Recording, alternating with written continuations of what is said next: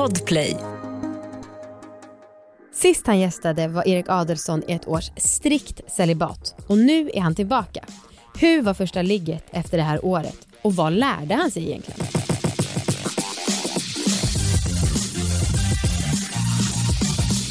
Hej allihopa och välkomna ska ni vara till succépodden Alla våra ligg! Hej!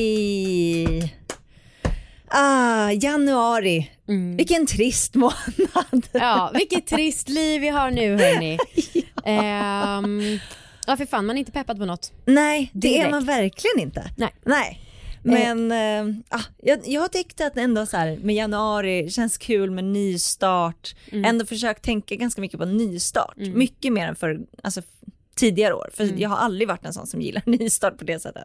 Men nu har det känts som att det behövs. Men nu är det över. Ja, nu är det över. Ja, för nu, är har det ändå gått två veckor. Deppad och uttråkad. Ja. Ehm, Okej, men eh, vi ska ju idag prata med Erik Adelsson som gästade oss för typ en miljon år sedan. Ja. Skitkul. Ja. Eh, för han har ju skrivit en bok som heter Lärjungen, en upptäcktsresa genom tantra och celibat. Mm. Och eh, när han gästade oss sist så var han ju mitt i det här celibatet. Ja, ja det, jag, är, jag är lite nervös för att träffa honom. Att han kommer bara spruta sperma.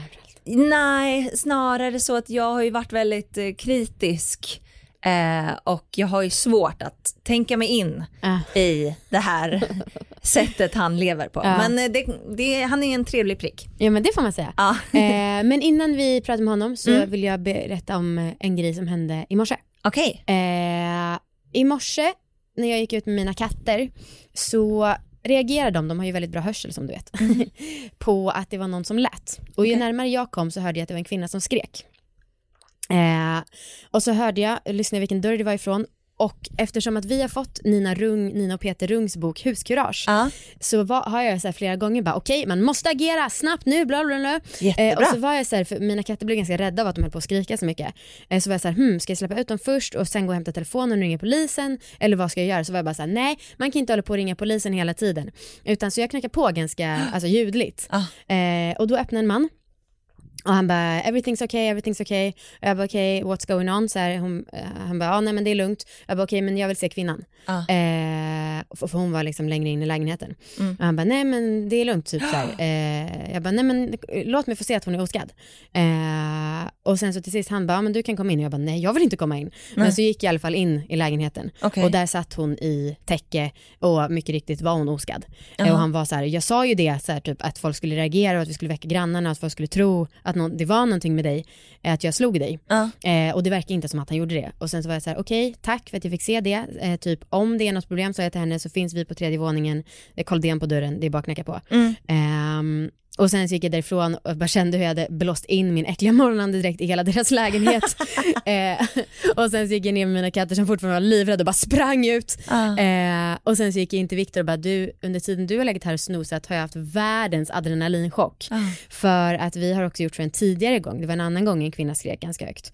Och då så väckte jag Viktor och bara fan det är någon som skriker. Han bara ja men så här, skit i det. Jag bara nej nej nej jag läste huskurage att man ska gå och knacka på. Och då så Viktor bara flög upp och liksom gick upp och knackade på den här våningen. Ja. Och då så mycket riktigt så han tolkade det som att kvinnan stod i bakgrunden, sa att det var lugnt men ändå gjorde tecken så här ring polisen. Just det, det här kommer jag. Eh, och jag vill bara dela med mig om det här även om det blir lite skrytigt. Åh, jag är så Ja, det är bra. jävla hjälte. Alltså på riktigt. Ja men tack, men det blir väldigt så här, gud vilket otroligt civilkurage jag har. Men samtidigt, alltså det känns så himla viktigt för jag vet inte om jag hade gjort det om jag inte hade läst det här. Nej. Då hade jag nog kanske antingen bara ignorerat eller ringt polisen direkt. Jag hade gjort helt annorlunda. Jag Ah, tyckte okej. också att den boken var, nej alltså jag hade gjort helt annorlunda om jag inte hade Ah, läst boken. ah, ah. För den var så jävla bra. Ja men väldigt tydlig. Eh, ja, tydligt hur man agerar i Ah. sådana situationer. Ja, Eh, jag tycker det var skitbra att du verkligen var mån om att se kvinnan. Ehm, Men för jag vet, i den boken var det något exempel med så att hon, de hade också hört någon bråka och de hade efteråt kommit och tackat för så här, vad fint att du visar att du bryr dig. Mm. Det var ingen fara med oss men det känns väldigt tryggt att veta Mm. att om det skulle vara något Mm. finns det folk som bryr sig. tror, de att de, tror du att de bråkade eller? Ja det gjorde de. Ja. Det kan man ju göra. Ja, verkligen. Eh, men som sagt, och jag tänker visst att det kan vara jätteläskigt att knacka på, men risken att någon är en sån jävla psykopat att man själv blir skadad, den känns ganska låg. Ja, framförallt om man är i trapphuset. Ja, Alltså och folk märker ju om det är massa stå hej. ståhej Mm. i trapphuset. Ehm, ja, Mm. Nej, jätte, jättebra gjort och eh, en uppmuntran till En jättestark folket. uppmuntran för att det känns verkligen, ja, men jag- i boken sa de i alla fall att man kan vara med och rädda liv. Ja, Eh, Och jag menar det går ju fort, om någon håller på att bli ihjälslagen så då handlar det om sekunder ju. ja gud ja. Välkommen hit Erik igen! Tack så mycket tjejer! Det är så sjukt att det, det var fyra år sedan vi sågs. ja, det var nog det vi kom fram till. Ja. Ja, och vi var ju helt andra människor. Du, man kan tänka sig att du var en helt annan människa. Ehm, och vi, vi hade ju pseudonymer då. Ja. När vi spelade in senast. För du var med i avsnitt 24 och 29 har jag kollat upp. Ja, Och då gick jag med namnet Saga Ja. och du med namnet. Linnea. Ja. Och du var mitt uppe i ett celibat. det stämmer. Ja. Ja. Vad har hänt sen sist? Ja. ja. Jo, ni har kommit ut ur garderoben Ja. och jag har börjat ligga. Så enkelt. Ja, det är väl det. Men alltså okej, men då måste jag ställa den första och främsta frågan. Ja. Hur var första ligget efter celibat? Hur, var, hur länge var du celibat? Eh, Det var ju ett år som jag bestämde mig för. Ett år? Ja, okej. Hur var första ligget och med vem? Och... Ja, exakt. Alltså, eh, den långa historien finns ju i boken om man vill läsa lite mer detaljerna då. Men det jag kan säga, det var ju eh, riktigt härligt. Eh, det var typ bättre än jag mindes det. Samtidigt som, och det här är det som låter lite kanske konstigt, men det var också helt vanligt på samma gång. Därför att det jag hade tidigare innan celibatet var väldigt mycket fler idéer om sex. Och de var jag fri från. Så att det var inte den här idén av det här är världens bästa grej och det här, den här överdrivna fascinationen var borta. Men samtidigt så upplevde jag mig kanske då tack vare det mer närvarande och eh, inkännande och dessutom var det ett fint möte. Ja, ja. Men alltså var det inte svårt liksom? Alltså... Men det är svårt att hålla sig. Det var det du tänkte säga. Jag tänkte det också. Jag menar med svårt att inte gå tillbaka till rutiner man har. Alltså, för jag tänker om jag slutar med någon grej väldigt länge så, och när jag börjar med det igen så har ju jag vissa rutiner som jag kopplar till den aktiviteten. Men du hade lyckats polera bort dem liksom.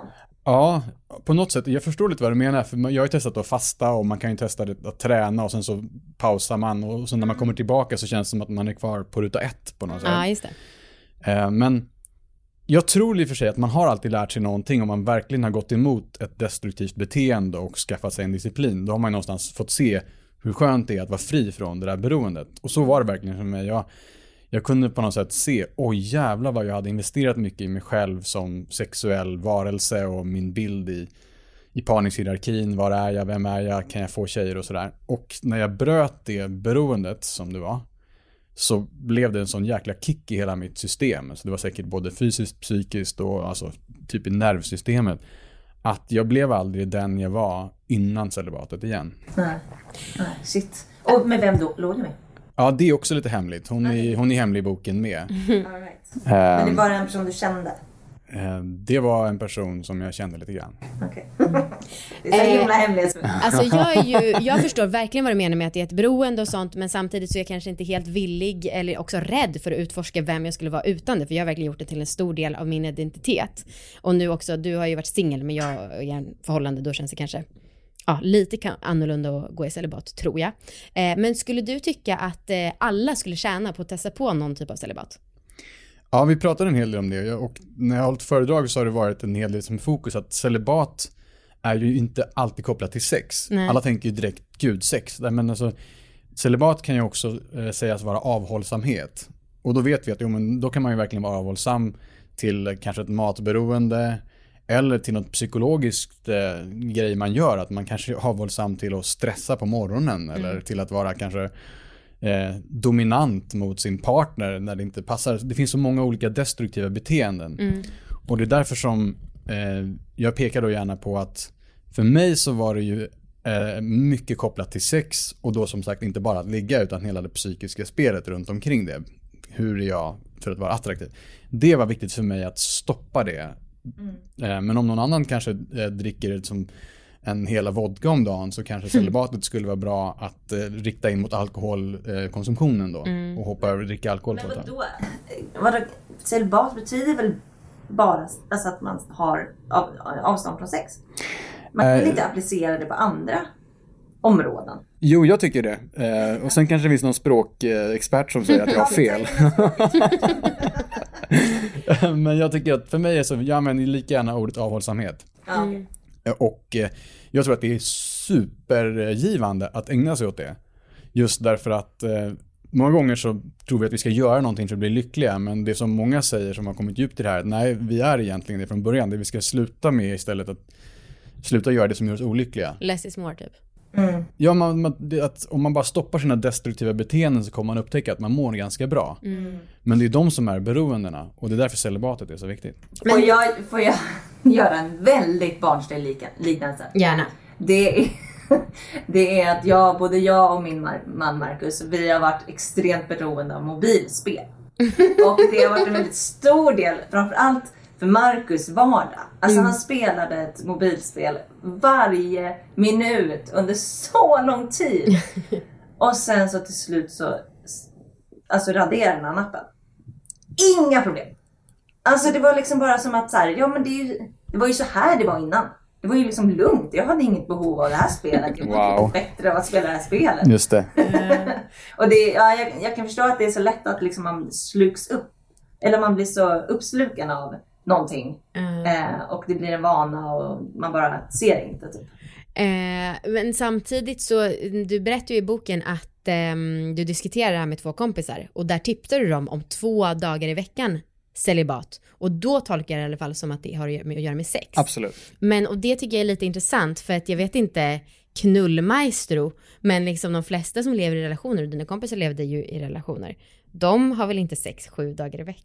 Eller singlar. Eller singlar, precis. Nej men det här var ju en, eh, en viktig poäng. Ja. Och jag kommer ihåg att jag hörde eh, av min eh, läromästare då att man skulle kunna testa just två dagar. Man kan lika gärna säga tre eller fyra tänker jag. Men, men det lustigt tror jag är för många är att de reagerar nog som, som du. Nej, men Ja. vadå, vi har ju sex, vi har ju bara sex en eller två dagar i veckan.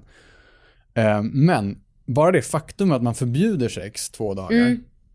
Vilka det nu är, det kanske inte är lördag söndag då, men att säga att man tar eh, typ måndag, onsdag, Mm. eh, så är då det någonting som blir en intressant situation där det är så, okej, idag får vi inte ha sex. Ja. Då kanske man i början tycker, gud vad skönt. Men sen så efter ett par, tre veckor kanske det dyker upp en känsla att just den här dagen eh, så får jag inte. Ja. Och då är man lite sugen helt plötsligt. Och då får man in det här dynamiken att okej, jag avstår från att gå med begäret. Och då kanske dessutom de andra dagarna när man får ha sex blir härligare. Så att jag menar inte att det behöver vara just två dagar, men just att ta in disciplinen att jag avstår från någonting som är ett beroende. Ja. Att man leker med den disciplinen och ser vad som händer. Det tror jag, det köper jag till 100% och jag tror också att det kan vara väldigt avslappnande i en relation just att man slipper veta då, okej men då behöver jag inte ens fundera Nej. på det, utan att det blir en relief för hjärnan på något Mm. sätt. Snart startar vår stora färgfest med fantastiska erbjudanden för dig som ska måla om. Kom in så förverkligar vi ditt projekt på Nordsjö Idé och Design. Din bok då, vad är den heter nu igen? Lärjungen. Lärjungen, just det. Eh, alltså vet du, jag lyssnade på den som ljudbok och alltså jag satt och gapade i bilen. Alltså jag bara? Hå?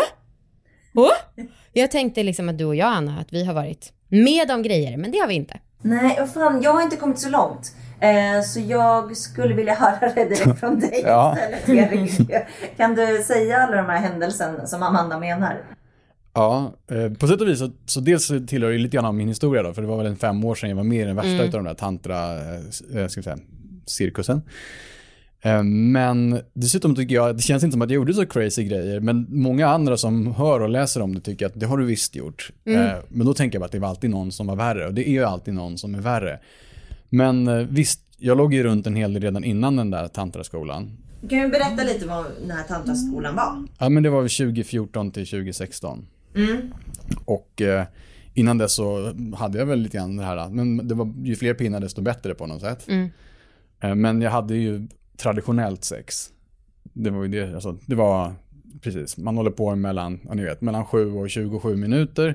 Och man kommer på slutet som kille och förhoppningsvis så kommer tjejen på sin klitoris. Och eh, har man tur någon gång så träffar man en tjej som vet om var hennes g-punkt sitter. Och det fanns också någon som hade haft en fontänorgasm sådär. Och sen så kastas jag in. sexet.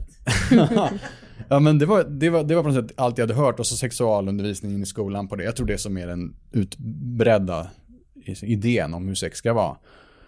Och jag reflekterade inte över att jag hade gått på en idé heller. Eh, när jag växte upp. Och liksom. men, men sen så i efterhand så började jag förstå, nej, men det var ju vad kompisar sa och vad tjejer sa. Man blev ju utbildad av samhället och sin omgivning att så här har man sex. Mm. Och sen så när jag då snubblade in i den här tantraskolan, för jag säger verkligen snubblade, för jag hamnade bara på en yogafestival där jag såg en kille få en tantrisk helkroppsorgasm. Vilket väckte mitt intresse, jag bara fan det här måste jag ta reda på. Sen hamnade jag på några dagskurser. Och liksom, det var massa energi till höger och vänster, jag visste inte vad som var vad. Och sen så hamnade jag på en sån här fest med den här tantraskolan då. Mm. Och då märkte jag att det här var ju något helt annat. Det var ju som kliva in i som en helt ny värld. Men får jag säga då, jag vet att du vill att detaljerna ska sparas för att man ska köpa boken och det kan man göra, men bara för att ge då en hint. Alltså en, på ett av de här lägren som du är på, då har man en övning till en början där man då delas upp i par, man och kvinna, och man rakar varandras kön. Just det. Det är ju, alltså bara kasta sig in i det känns ju till och med för mig ganska, oh. Och Sen sen folk så, man inte känner. ja vissa va? Ja, absolut. Det är ju en kurs. Så det är ju både Ja, folk man Anna, det är känner en kurs. eh, men sen också, för du berättade också om en så kallad session du har med en av de här ledarnas eh, assistenter, som är en transkvinna men som har valt att behålla sin kuk. Just det. Eh, och då så går du in oväntandes på den här sessionen Ja, eh, om vad som ska hända, men då visar det sig att då tar hon din analoskuld. just det. Eh, och det är kanske inte någonting som alla bara skulle snubbla in på. Tänker jag. Satte du mig på plats nu? Nej men jag tycker det är så imponerande för du liksom, du verkar själv typ aldrig chockad. Nej men i efterhand är man ju inte det riktigt. Nej. Eh, Men där var jag ju det. Ja, det var det. Ja, men det var ju konstant så. Samtidigt är det lite grann så som jag också skriver på många ställen. Visst, jag hamnade på den där sessionen med henne och visste inte vad en session var mer än att det där var något bra. Och jag visste att jag var lite homofob innan och var lite rädd för det där. Så att därför tänkte jag att det här är säkert bra. För jag vill jobba med mitt ego. Jag vill Mm. möta mina rädslor och min skam. Det var ju poängen. Eh, och där blev jag då av med min analoskuld. Och Alltså det är klart att chockad, nej men jag kommer ut efteråt och bara okej shit, jag känner mig ungefär som vanligt. Det var ju en befrielse. Mm. Som just där, det är så mycket psykologiska idéer. Gud, vem är jag om jag har haft analsex? Men jag kommer fortfarande vara mig själv, bara att jag har haft analsex, det är ingen skillnad. Så att mycket av det som hände i den här tantraskolan var just massa sådana här crazy upplevelser som på pappret då, när ni läser om det, och det är ju ändå som censurerade versionen, då eh, så ser det helt crazy ut. Men det är ju inte crazy. Tvekade du innan? Eller också är det kändes det självklart när du väl var där? Nej, jag tvekade jättemånga gånger. Det var många gånger jag kände mig osäker och kände, är det här verkligen för mig? Eh, Men det var där jag också upplevde lite av ett grupptryck. För där var jag i en miljö där alla var så här, kom en all in. Nu ska, Ja. Allt ska göras så att man släpper taget om det. Det var ju filosofin. Ja. Men var du inte rädd för att liksom tappa... eh, Tappa kontroll är väl kanske det man ska göra också, men på något sätt förlora dig själv. eh, Ja. Eller liksom tappa... Jag vet inte riktigt hur jag ska förklara det, men tappa gränser eller göra något du egentligen mår dåligt av. Ja, eller precis. Grupptrycket, att det gör Ja, att man... Att det blir sånt grupptryck när alla kanske är så jävla sammansvetsade och gör samma saker och det blir kanske mer, mer extremt. Eh, när man ses i en sån grupp. Alltså det där är en sån jävla svår fråga. Å ena sidan så älskar jag att förlora kontrollen när det väl hänt, så att säga. När, man har, när jag har släppt kontrollen. Det är ju lite det som är idén, att alltså, vi har tusen idéer om att vi vill kontrollera vårt liv och vår verklighet. Och när jag då har släppt taget om det så har jag upplevt gränslöshet och en befrielse från egot. Så det är det jag längtar efter. Å andra sidan så kastas man ju fram och tillbaka. Sen är man ju tillbaka i den där kontrollpersonen. Och så känner jag ju ofta fram och tillbaka lite schizofrent just i de här miljöerna. Att ibland så var det läskigt och så gick jag emot och så var det en befrielse. Och ibland kände jag mig lite inträngd i ett hörn och bara det här känns inte som för mig. Vem är jag? Alltså är det någon annan som styr över mig? Och det jag landade mest i var väl att när jag verkligen utifrån mig själv, min egen så här, inre visdom fattade ett beslut och en riktning, då kändes det bra. Och när jag på något sätt inte riktigt visste vem som hade bestämt åt mig, vilket jag tycker är ganska vanligt i dagens samhälle och skola och så. Då när jag kände mig tvingad in i en riktning, då kändes det inte alls Nej, bra. nej, jag fattar. En sak som jag tyckte var en intressant övning som ni också verkade ha gjort där, det var det här med att fundera på vilk, att, att typ alla har haft bisexuella erfarenheter som barn. Eh, alltså när du lekte sex när du var liten, Mm. vem var det med? Det var min eh, bästa kompis. Vill hon vara anonym? Just det, jag lägga in en pip. Men vadå, det är så jävla oskyldigt. Ja, det var som att leka med pinnar. Typ. Ja. Ja, det var ju Eh, inget naket ens. Alltså, nej. Det liksom, mm. Eh, men det tyckte jag var en, jag vet inte, det är ingen fråga direkt som jag har, men jag tycker ändå att det är en kul grej att tänka på. Att det att man har lärt sig. vad, vad, hur var din? Nej men jag har bara lekt sex med tjejer. Ja. Det har ju förvisso lekt att, att man har en kvist som är en kuk för att det måste alltid vara penetration. Det vet ju du Anna. Eh, men eh, ändå, det är ju, vad ju tjejer har hållit på med. Oj, Så lät det. ja, verkligen. Hur gjorde du när du var liten? Nej men det var det som var så flummigt. Där sa de ju det att, att eh, alla har haft bisexuella lekar när de var barn. Mm. Och eh, jag kommer inte riktigt ihåg det minnet som, det känns som att jag hade blockerat alla mina minnen. Eh, så jag utgick från att det var så och sen i efterhand har jag nog kommit på att jo, det var nog så. För när man är 4, 5, 6 år gammal så är det så att det, är en levande kropp eller inte och det är inte så mycket fokus på vad det är för sex. Alltså vad det är för, alltså när jag säger sex är det, tänker jag bara, vad är det för gender, alltså vad är det för kön på den andra. Eh, Men det är klart att jag redan som barn kände att jag drogs till tjejer på ett visst sätt. Det var någon annan spänning där. Men d- där i tantraskolan handlar det mycket om att upplösa alla gränser och alla eh, rädslor man hade. Och då var det ju också, då kan man ju inte sortera för mycket tyckte de på vad som är homosexualitet och heterosexualitet. Så vi kallades oss för heteroflexibla hela gänget där. Att man hade en naturlig dragning men inga begränsningar. Ja. Men blir det, för när man är, eh, för jag kan tycka att det är nice att man inte behöver ha någon så här fasta labels. Vi har precis nyligen pratade om labels, jag och Amanda. Eh, det är därför jag tog upp det. Men, men eh, blir det inte konstigt då liksom om alla är lite flexibla att vissa personer, det är så viktigt för vissa personer att ha den här eh, labeln. Att jag är bisexuell och det är viktigt för mig, jag vill komma ut som bisexuell. Blir det inte då lite och nu, jag säger ju emot mig själv för att jag också är eh, emot labels. Men blir det inte då lite förlöjligande för de här, av de här personerna? Att alla är lite bi. Eh, men för vissa människor är det här en jättestor grej. Jag tycker verkligen, alltså du prickar rakt eh, spot on på en av de saker som jag kommer fram till sen när jag försöker knyta ihop min historia just kring tantraskolan. Att det känns som att man byter en identitet mot en annan. Och det är sjukt svårt för vi lever ju i en värld där det enda vi gör är att vi place- placerar etiketter och identiteter på varandra. Och så lever vi då som, som, som ett svar. Jag är liksom summan av alla etiketter som alla har placerat mig. Och där var det just det här, tanken var ju att nej men okej, vi bryter mot allt det där och sen är vi gränslösa och därmed så blir vi fria. Men kruxet var att det blev ju en ny label, nej men precis, jag, Ja, jag är inte heterosexuell, jag är nu heteroflexibel. och, eh, och det som jag sa, att tanken var ju att man skulle på något sätt gå igenom allt det där sexuella för att sen släppa taget lite om det och, och stiga till någonting högre. Och eh, det kunde säkert vara sådana stunder och det var säkert någon som gjorde det, men på det stora hela så upplevde jag att sex blev nästan ännu viktigare där i den skolan än vad det var innan.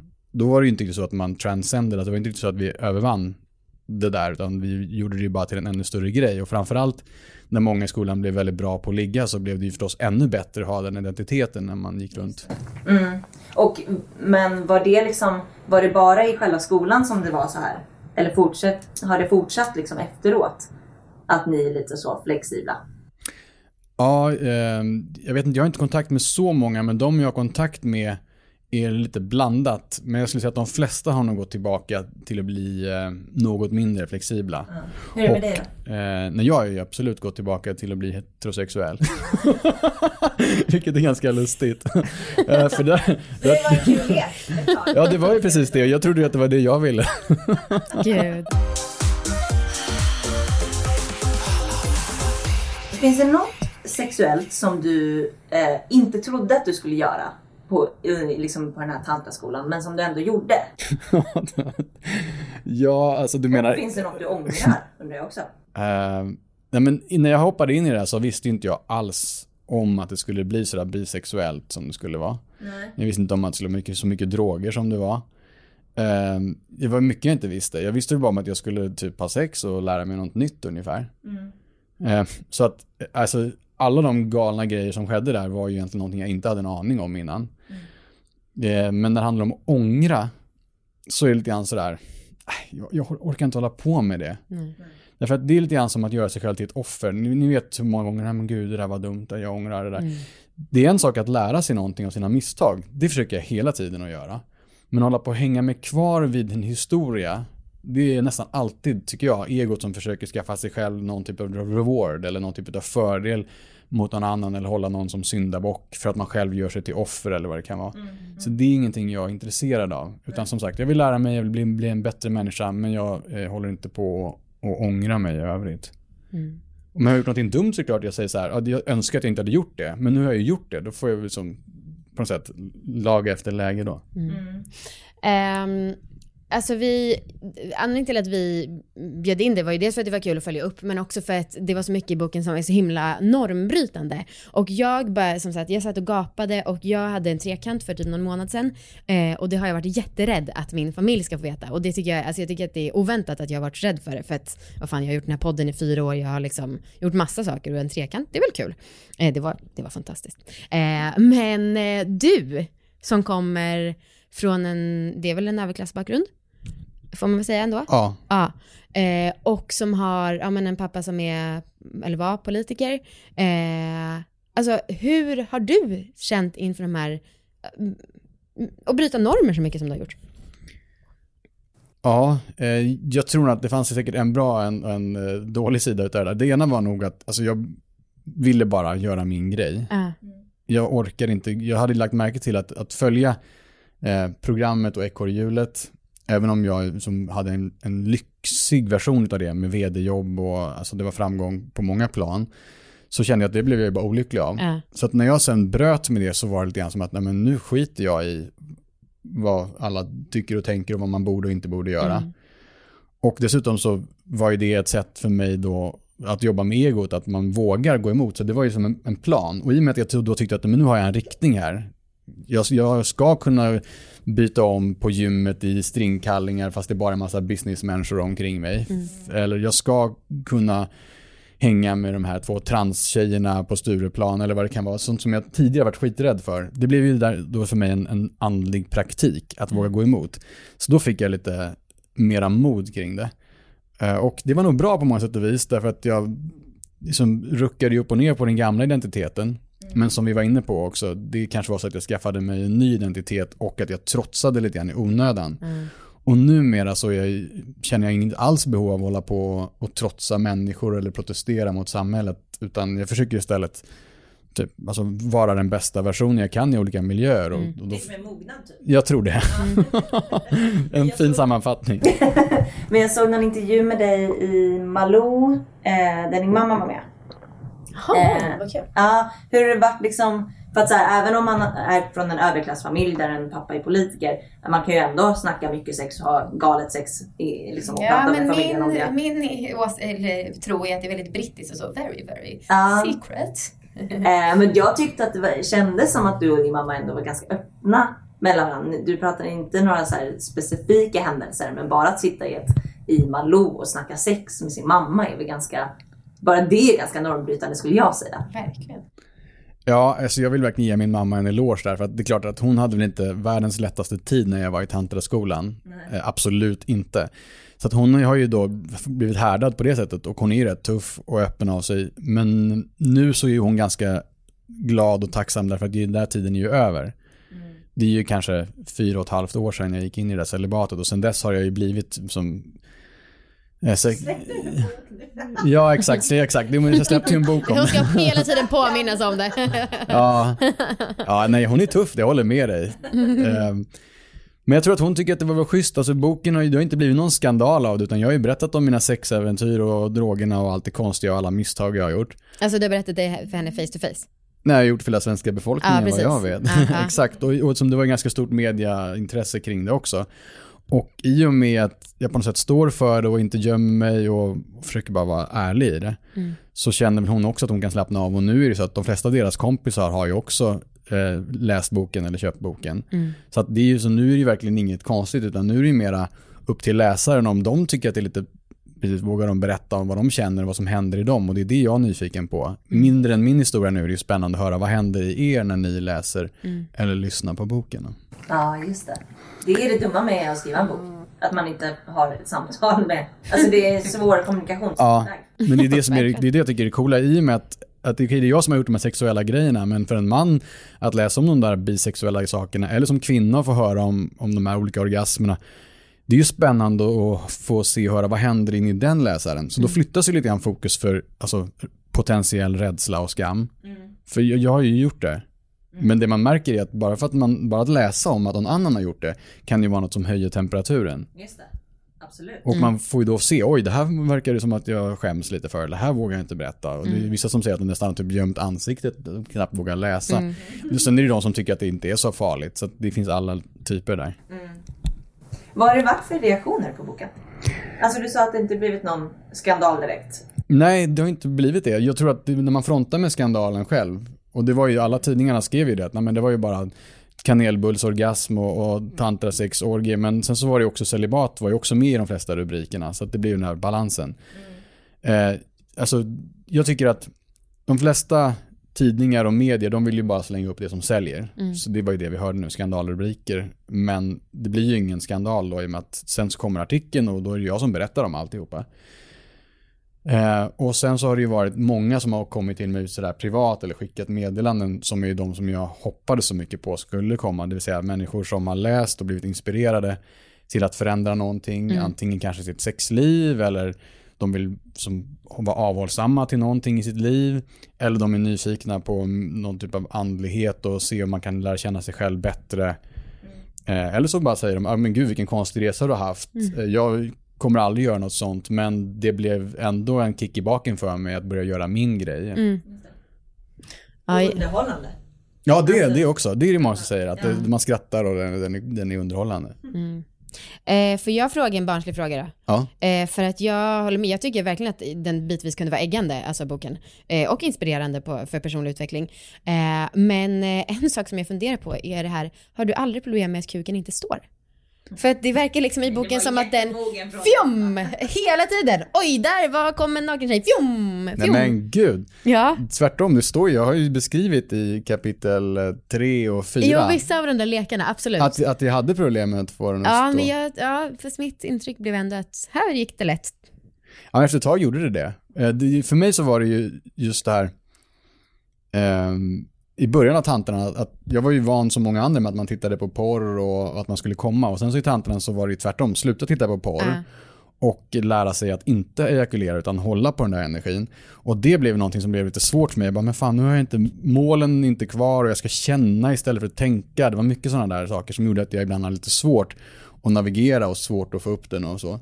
Men sen så eh, fick vi ju lära oss olika trick för det där och, och sen så helt plötsligt så var det ju inte alls svårt. Men det hade nog att göra med att jag kanske blev lite bättre på att säga ja till tjejer som jag var naturligt attraherad av och kanske inte gå på de gamla idéerna. Men jag tror att just det, om man, kollar man mycket på porr och liksom har väldigt mycket idéer kring sex och jobbar mycket med sånt som inte är här, alltså tänker på sånt som inte är här, då är det ju inte så konstigt om kroppen säger nej då. Och, Men jag tänkte också mycket på en scen som var kanske i celibatet när det är en tjej som lägger en hand på din axel och ni är på en strand i vattnet och då så kommer hon där och typ bara, han stod. ja, gud Ja. ja. men det är klart man kanske kan I tänka sig. celibatet var det, då var det, så- alltså, då var det, väldigt, få, då var det väldigt få gånger som Ja. jag kom nära en tjej. Och om det jag kom nära en tjej som, som det fanns en attraktion till, då var det ju, då, blev det, on. då var det ett jävla game on. Alltså. Eh, Ja men vi har en sista fråga till dig. Eh, har du några bra tips om man vill utforska sin egen väg men kanske inte har samma ekonomiska stabilitet som du ändå har haft? Ja, det är min fördom att alla som håller på med tantra är rika. För Jaha, liksom nej, gud, att ja. bara släppa allt, släppa det prestigefulla jobbet. Ja. Men om man inte har det. Ja, nej men då så. Jag har ju väldigt många idéer. Vi kan se. Jag, vi, jag tycker att eh, det första man skulle kunna göra, vilket kanske är det sista man tänker på, är att sluta göra någonting som är destruktivt. Vi tar exempelvis eh, din pojkvän där som höll på med gaming, eller vad var han på att spela spel? Mobilspel, ja. Hans väg, om det nu är destruktivt, vilket det säkert är om det är många timmar och lite ofrivilligt, om han, om han ska hitta sin väg så tänker han kanske okej, ja, jag har en halvtimme över om, per dygn, som nu ska jag hitta min väg. Nej men om jag slutar göra någonting som är destruktivt, det kanske är tre, fyra timmar mobilspel som försvinner. Just Så det. att jag börjar med ett celibat till någonting som, istället för att tänka att jag ska göra en sak till. När jag gör en sak mindre Just som det. är dålig, då frigörs ju massa tid och energi. Och då kanske man inte direkt behöver känna att nu ska jag kasta mig över någonting, man kanske bara kan få njuta av det och så ser man lite grann var den energin går. Ja, ja. Verkligen så sant. Ja, så jag tror att man skulle kunna göra en lista typ på, ja men de här sakerna älskar jag att göra och så skulle man kunna göra en annan lista, de här sakerna eh, måste jag göra. Det, Mm. det kan finnas sånt också. Men också framförallt en lista med saker som det här är destruktivt och det här kanske jag inte måste göra. Och börja titta lite på de här grejerna. För jag tror att vi har alla svaren inom oss. Mm. Ehm, och när det gäller de här sakerna som man kanske kan sluta göra, eh, så är det också många saker som andra har sagt till oss att det här borde du göra. Ni vet det här, du borde, du borde inte. Mm, Ända sedan vi är barn. Och det är det som gör att vi inte vet vilken våran väg är. Och när vi inte vet vilken våran väg är så vet vi inte vilka vi är. Så att, att börja titta på alla de här måstena och börja undersöka, men vilka, vem är jag eh, som vill, är det jag som vill det här eller är det någon annan som vill det här? Är det mammas röst, är det pappas röst, är det lärarens röst? Och eh, det är väl det här som jag tror att man blir aldrig färdig. Men om jag slutar göra lite destruktiva saker, börjar fundera på över vad jag älskar och börjar ifrågasätta vems röst är det? Så har man ju kommit en bra bit på vägen. Har du alltså inga dåliga vanor nu? Jo, gud jo. Det har jag absolut. Inga mobilspel? Eh, nej, alltså mina dåliga vanor, de, de är mera på insidan nu än på utsidan. Och sen så kommer det ju märkas då att om jag har en dålig vana på insidan så kommer jag köra bilen en minut snabbare för att komma hit, men jag kommer vara stressad när jag gör det. Jag kommer inte vara ett skönt space och jag kommer inte se er när jag är här. Men om jag då är är rätt på insidan så kanske det tar en minut längre tid att köra bilen, eller så gör jag inte det. Men jag kommer hit och det blir kvalitet hela vägen i körningen och det är kvalitet när jag går in här och jag kommer se er och vi kommer att ha det härligare ihop då. Fint! Jag känner mig så mottaglig för allt du säger. Jag med och jag hade mig- verkligen inte väntat mig. Jag, Ah. är, det jag, märker, jag är så glad. Nej men jag förstår allt vad du säger. Wow! vi förstår varandra. Det hade jag inte väntat mig. Nej men vadå Är det här poddens sista avsnitt? Ja, Resan, Annas resa. Anna har nått slutet. eh, ja, men- Stort tack för att du var med. Ja men tack tjejer. Snart startar vår stora färgfest med fantastiska erbjudanden för dig som ska måla om. Kom in så förverkligar vi ditt projekt på Nordsjö Idé och Design.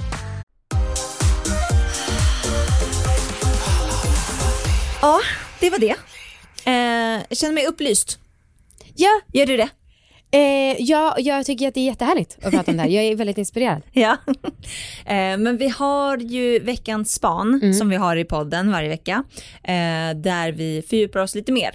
Eller kanske tar in lite annan vinkel. Men, och det, vi tänkte att vi faktiskt skulle fortsätta med Erik.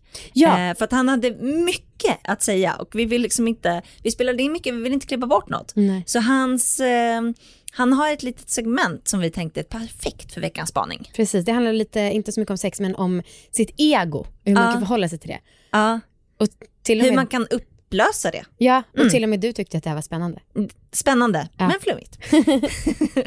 Alltså det här, det här hör säkert inte in på alla våra ligg, men jag sitter ändå och är så nyfiken och det kanske är någon som är nyfiken med mig.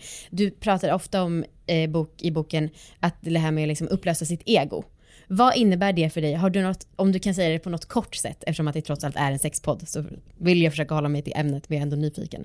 Ja, eh, nej, det ska jag säga att mitt ego är inte upplöst ännu. Nej. Men jag har ju studerat väldigt mycket kring det här. Ja. Och eh, man skulle kunna säga det för att göra det lite enklare att förstå att det handlar också lika mycket om att upplösa den personliga identiteten. Mm.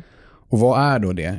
Jo, om vi tänker att vi vore djur i naturen så skulle vi inte ha några personliga identiteter. Mm. Man skulle ju ha sin kropp såklart. Men man skulle inte gå runt med en idé om att jag är den här personen med den här framtiden och den här historien och de här värderingarna Mm. och de här tankarna. Som vi har blivit matade med från utsidan. För vi vet ju om att vi hade vi vuxit upp i ett muslimskt land med andra föräldrar så hade vi haft en helt annan personlig Mm. identitet och ett annat namn. Och eh, det som det visar sig när man går djupare i det här att om jag har en personlig identitet och ni har två andra, ja då är ju vi separerade.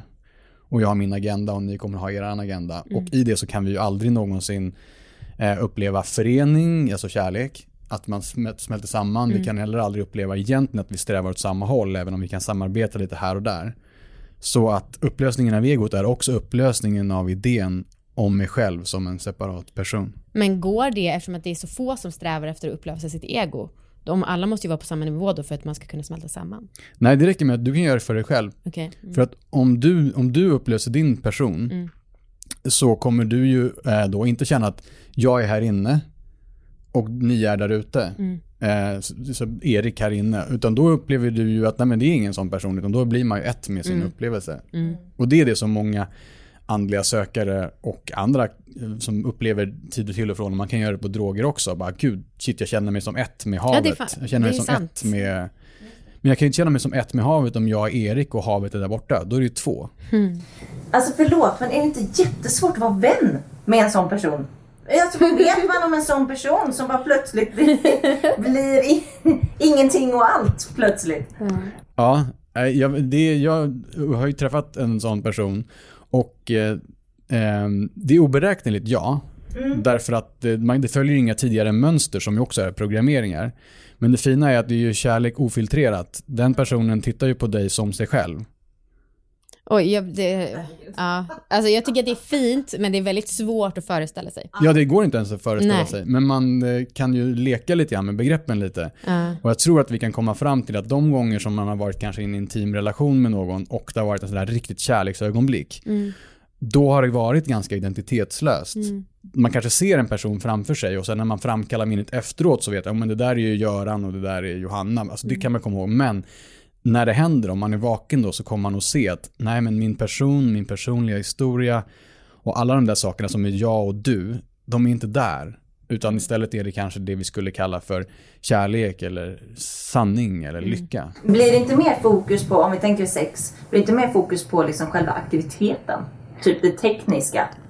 Eh, den här personen, vad det nu är, vad den nu är, om det är en person eller inte. Eh, vad den just gjorde med sin tunga eller med sin kuk eller så. Förstår du vad? Nej, jag tror inte jag förstår frågan. Nej men jag tänker om båda är så, har släppt taget om sig själva och man blir liksom ett. Ja, gud. Ehm, då blir det inte mer fokus på själva aktiviteten då eftersom man har släppt tag om så mycket eh, i sin personlighet liksom när man väl ligger där. Jo, jag, jag brukar uttrycka det ibland som att naturen styr istället för eh, ehm, planen. Alltså det är istället för den personliga planen med alla tankarna och idéerna.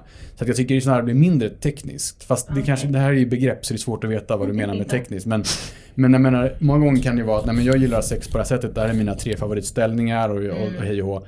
Ja, om två sådana personer har sex med varandra då kan man ju höra ganska tydligt att det är ganska mycket separation i det. Det är ju jag med min plan och min agenda och, och min eh, som idé.